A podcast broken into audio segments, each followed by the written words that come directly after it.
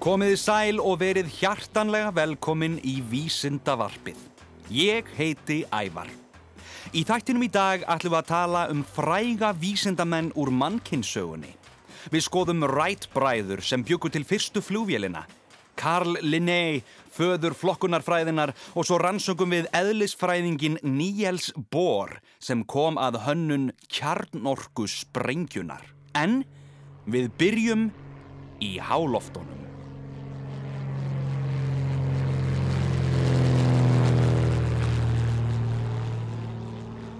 Wright bræðurnir, þeir Wilbur og Orville eru frægir um gerfalla veröld fyrir það að hafa verið manna fyrstir að koma mannaðri vélflúvél á loft. Það er svolítið erfitt að segja að einhver einn hafi fundið upp flúvélina. Þessi merka uppfinning hefur auðvitað þróast og er enn að þróast en það að fljúa um loftin blá er eitthvað sem mannin hefur dreymt um frá örófi alda.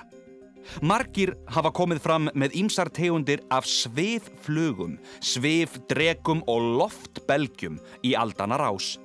Ekki hafa öll þau tæki geta borðið menn, en sumar sviflugur gáttu það.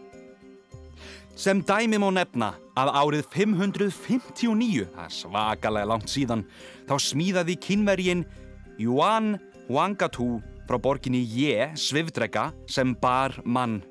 Á 15. öld fyldist Leonardo da Vinci með flugi fuggla og teiknaði í kjölfarið gerfi vang.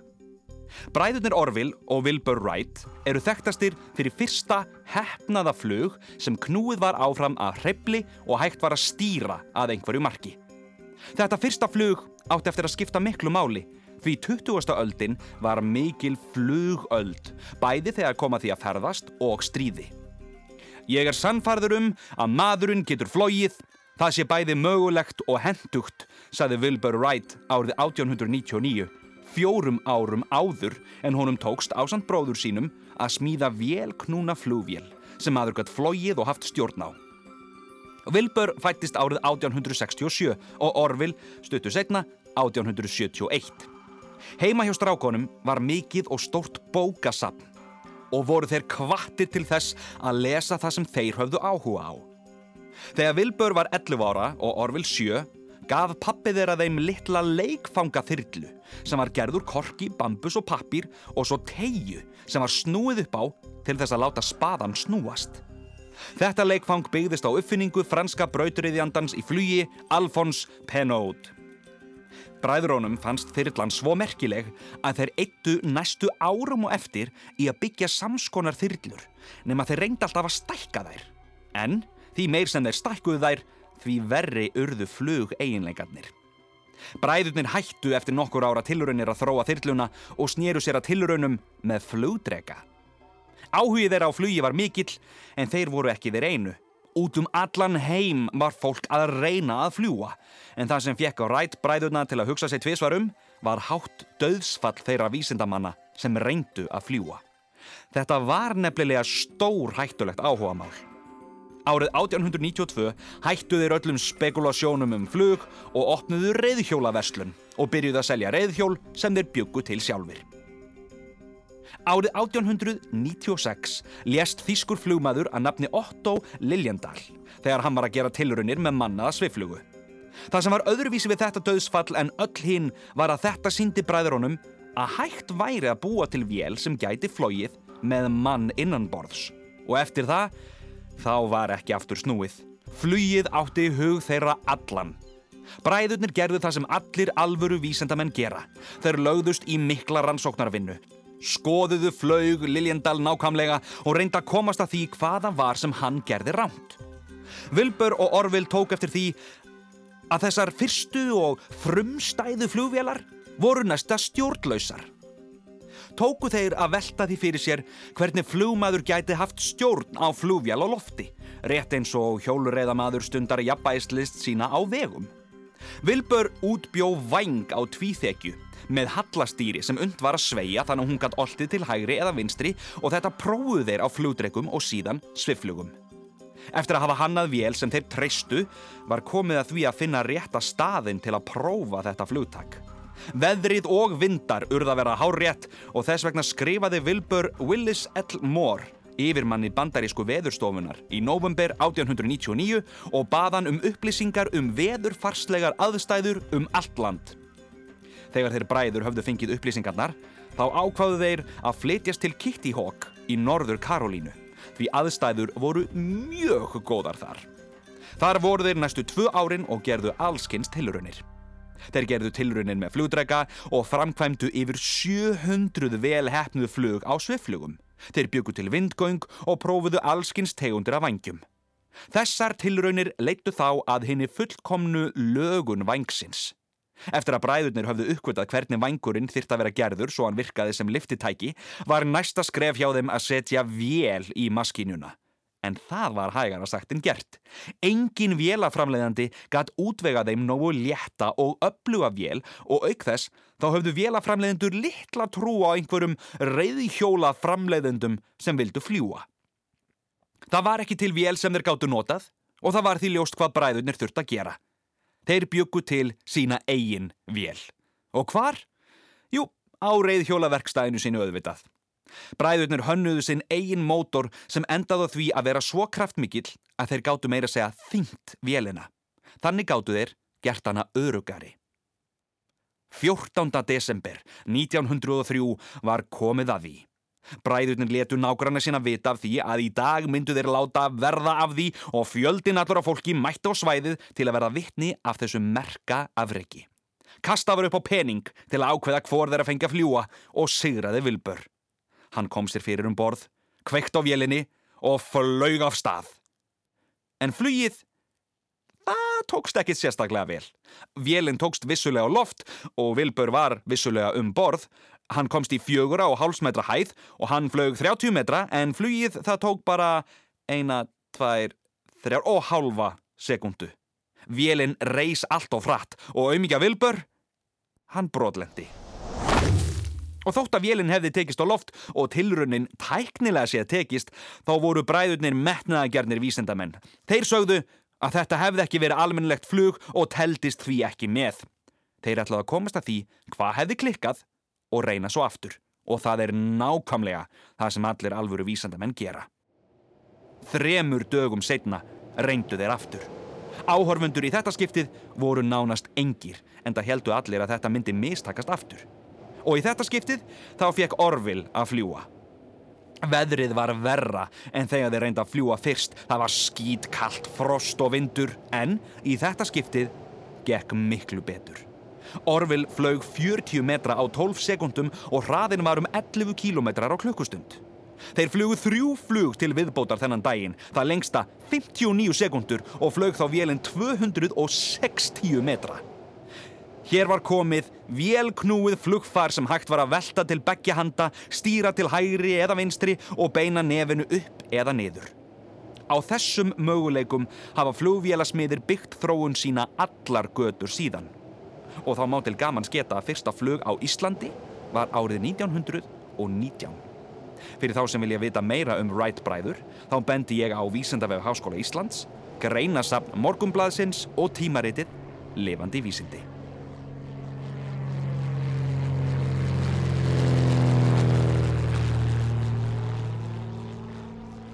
Það er komið að næsta vísindamanni. Herrar mínur og frúr, Karl von Linné. Karl von Linné hefur einnig verið þekktur sem Karl Linnessus eða Karolus Linnessus en við skulum bara, eða kalla hann Kalla? Nei, nei, hvað er mann Karl? Karl fættist 1707 og hefur oft verið kallaður fadir flokkunarfræðinar. Hann fann upp svokallað tvínafna kerfi sem nú er notað til flokkunar á öllum lífverum. En ekki nú með það. Karl hafði líka mikinn áhuga á bönunum. Ba ba ba ba banana Ba ba ba ba banana Oh ba ba ba ba banana Ba ba ba banana Tocari no potatori Cani malo manica notica Ba ba ba banana Io plano fu La pano no tu Ma banana La camo pitala mo banana Ba ba Banana Tocari no potatori Cani malo manica notica Ba ba ba banana En ég kem betur að því á eftir. Karl var svíi og eh, frá unga aldri þá hafði hann brennandi áhuga á náttúrufræðum og þá sérstaklega á plöntum og nafngiftum þeirra. Árið 1735 lauka námi í læknisfræði þrátt fyrir að raunverulegur áhugi hans beindist að grasa og flokkunafræði. En það virkaði þó ágætlega saman því á þessum tíma var það nöðsynlegt að læknar kynnu ímislegt í grasafræði og þekktu vel til lækningajurta. Þegar Karl lauk námi hafði hann farið í könnunar leiðangra og kortlagt bæði flóru og fánu. Hann bjóð til svonemt tví nafnakerfi um tegundir sem við styðjumst við enn þann dag í dag. Í tví nafnakerfinu hefur hver tegund tvö nöfn. Hið fyrra vísar til ættkvíslar en hið síðara til tegundar. Sama ár og Linné laug prófi í læknisfræði gaf hann út bæklingin Systema Naturae þar sem hann kynnti til sögunar latnest tvínafnakerfi sitt til flokkunar lífvera. Og á næstu árum þá endur skoðaðan og endur gerði stöðugt þessa flokkun sína og á endanum þá var þessi litli bæklingur sem kom út árið 1735 að viða miklu rítverki í mörgum bindum. En hvað þýðir þetta eiginlega? Hvernig virkar þetta tvínafna kerfi? Jú, sjáðu til. Tvínafna kerfi, eins og nafnið gefur til kynna, flokkar allar lífveru niður í tvö nafn, ætt kvísl og tegund. Við, manneskjur, við erum til dæmis með flokkunina Homo sapiens. Tegundin sapiens í ætt kvíslinni Homo. Hestar, til dæmis, hestar eru Ecus caballus. Ecus er nafnið á ætt kvíslinni og caballus er heitið á tegundinni. Kerfið einfaldaði mikið nafngiftir á lífverum og hér er gott dæmi. Uh, fræðilegt heiti hunangsflugunar fyrir daga tvínafnakerfisins var, og nú ætlum ég að reyna að bera þetta rétt fram, Apis pubecans thorace subgrisio abdomine fusco pedibus postrikis glabris utriník margine kilatis. Takk fyrir kjærlega. En í tvínafnakerfinu þá heitir hún einfallega Apis mellifera. Það er töluvert stittra. Karl var mjög ötull vísendamaður og er enn þann dag í dag einn merkasti fræðimaður svíja. En þótt hann sé þekktastur fyrir flokkunarkerfi sitt þá er afreikslisti hans langur. Hann var meðal annars einn af stopnendum konunglegu sænsku vísindaakademíunar og jafnframt fyrsti fórsetennar. Hann var mjög vinsall sem profesor í háskólanum í Uppsölum og varð eldmóður hans mörgum innblástur. Hann var döglegur við að aðstóða nefnundur sína með rannsóknir og störf og bles nýju lífi í sænst vísindasamfélag. Og ekki nóg með það, hann gatt fyrstur manna ræktað banana með góðum árangri í Evrópu. En ekki nóg með það, hann endur gerði einnig og beigði upp grasagarðin í Uppsölum og færðan í núverandi horf. Í tengslum við það, þá hannaðan nútíma hitamæli sem er eitt af hans merkustu afrökum. Við uppbyggingu grasagarðsins lagði Linné mikla áherslu á stjórnun loftslags og þurfti til þess á nákvæmum hitamæli að halda. Hann sendi konunglegu sænsku vísindaakademíunni nákvæm fyrirmæli um þennan nýja nákvæma hitamæli. Sankvæmt þeim var hitaskala sænska vísindamannsins Anders Celsius snúið við í mælinum. Sankvæmt breytingum Karls táknuðu 0 gráður núna frostmark vass í stað suðumarks áður og suðumark vass var miða við 100 gráður á Celsius í stað frostmarks áður. Þetta gerði Linné kleift að mæla einnig hitastig sem fór undir frostmark og hentaði þessi mælikvarði því betur til nótkunnar við náttúrlegar aðstæður. Þessi breyting gerði það einnig mögulegt að mæla mjög háan hita eins og til dæmis bræðslumarki Járts sem er 1538 gráður á Celsius. Árið 1757 þá var Linné slegin til rittara fyrir störf sín í þáu vísindana og tók þá upp nafnið Karl von Linné í stað þess að kalla sig Karl Linnaeus. Hann lest 10. januar 1778, 70 að aldri. Á lífsleiðinni þá gaf hann út meira en 70 bækur og 300 vísindagreinar og umbylti flokkunarfræðinni sem vísindagrein. Þið viljið vita meir um Karl, þá er frábær greinumann á Vísindavef Háskóla Íslands, vísindavefur.is.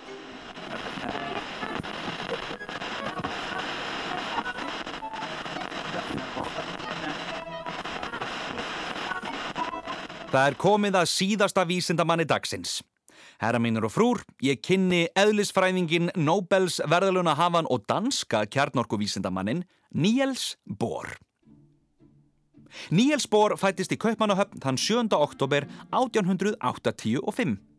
Hann er talin vera einn af leiðandi eðlisfræðingum síðustu aldar og var einn af upphafsmönnum skamtafræðinar og nútíma eðlisfræði. Bohr er fyrsti danski vísindamadurinn sem við fjöllum um í vísindavarpinu. Hann ólst upp í Kaupmannahöfn, móður hans var að geðinga ættum og hann átti föður sem var svo klár að hann var tilnemdur tvísvar til Nobelsvelunana. Það var fadir hans sem kveikti áhuga Níels á eðlisfræði. Bór gekk í Kaupmannahafnar háskóla. Hann hóf nám í heimspeiki og starfræði en færði sér svo yfir í eðlisfræði því þar sló hans hjarta. Eftir útskrift þá áttu þessi fræði hugans allan og þá leiði ekki á laungu þar til Níels síndi fram á það að hann væri engin venjulegur vísindamadur. Árið 1922 fekk Bohr Nobelsvelunin í eðlistfræði fyrir rannsóknir sínar á sviði skamtafræða en hann var frumherji á því sviði. En býðu nú við, hvað er eiginlega skamtafræði? Jú, skamtafræði er starffræðileg lýsing á hegðun smæstu hluta sem við þekkjum. Þetta eru hlutir eins og rafeindir, frumeindir eða jafnvel hinnir örsmáu kvarkar sem mynda róteindir og nifteindir í kjarnar frumeinda. Þessar agnir eru grundvallar einingar í byggingu nær alls efnis í hinnum þekta heimi og marga af eiginleikum loftegunda, kristalla og jafnvel vögva er hægt að útskýra með hjálp skamtafræðinar. Bohr hjælt áfram rannsóknum sínum en árið 1943 þegar þjóðverjar náðu völdum í Danmörku þá var ekki lengur örugt fyrir hann að vera þar. Hann fekk afspurnir að því að þíska lögreglan væri á eftir honum og það vissi ekki á gott. En hvers vegna? Hvers vegna í óskubónum var þíska lögreglan á eftir þessum danska vísindamanni? Jú, að því að mammans Níels var geðingur og þar sem nazismin var að taka yfir allt þá var stór hættulegt að vera geðingur eins fáránlegt að það hljómar. Danska ansbyrnur heimingin hún hjálpaði þó til og smiklaði Níels á bát til Svíþjóðar. Hann hafði þó ekki verið þar lengi þegar hann fekk bóðum að koma til Breitlands og taka þátt í háleinilegu verkefni. Bór sló til, flög til Breitlands og við vitum í dag að þetta háleinilega verkefni sem umrætti var kallað Manhattan-verkefnið. Og hvað gerði það? Þetta var rannsóknarverkefni bandarækjamanna með aðstóð frá Bretum og Kanada og markmiði var að verða á undan þjóðverjum að búa til kjarnorku sprengju. Höfuðstöðvar Manhattan-verkefnisins voru í bandaríkjánum og þangað fluttu bæði Níels og sonur hans sem var diggur aðstóðamaðu föður síns. Það þurfti þó að passa að enginn vissi hver Níels væri, þannig að hann fekk nýtt nafn. Hann var ekki lengur Níels Bohr, heldur Nicholas Baker. Níels leist aldrei vel á það að búin yrði til atomsprengja, en þegar hann frétta því að þjóðverjarnir væru byrjaðir á sinni eigin sprengju, þá sá hann að það var ekkit annað í stöðunni. Hann gengdi mikilvægu starfi við gerð sprengjunar, ekki síst sem fyrirmynd og ráðgjafi fyrir yngri vísendamennina sem unnu með honum. Að lokum voru allir útreikningar komnir í hús og þá var auðvitað bara eitt eftir. Það þurfti að aðtuga hvort að sprengjan virkaði.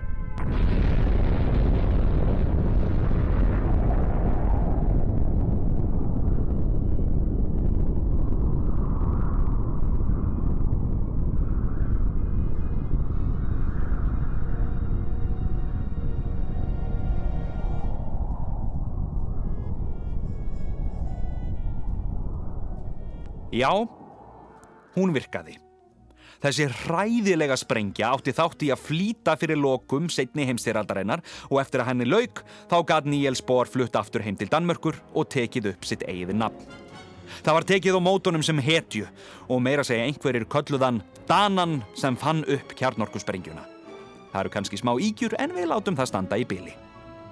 Eftir heimkomuna þá talaði Níels fyrir friðsamlegri nótkun á kjarnorku og þá má geta þess að frumefnið borium er að sjálfstöðu nefnt í höfuðið á Níels Bohr. Níels Bohr lest 18. november 1962. Ef þið viljið vita meira um Níels eða skamtafræði þá skulum þið heimsækja Vísendavef Háskóla Íslands vísendavefur.is Þættinum er lokið. Þetta er ævar vísendamadur yfir og út.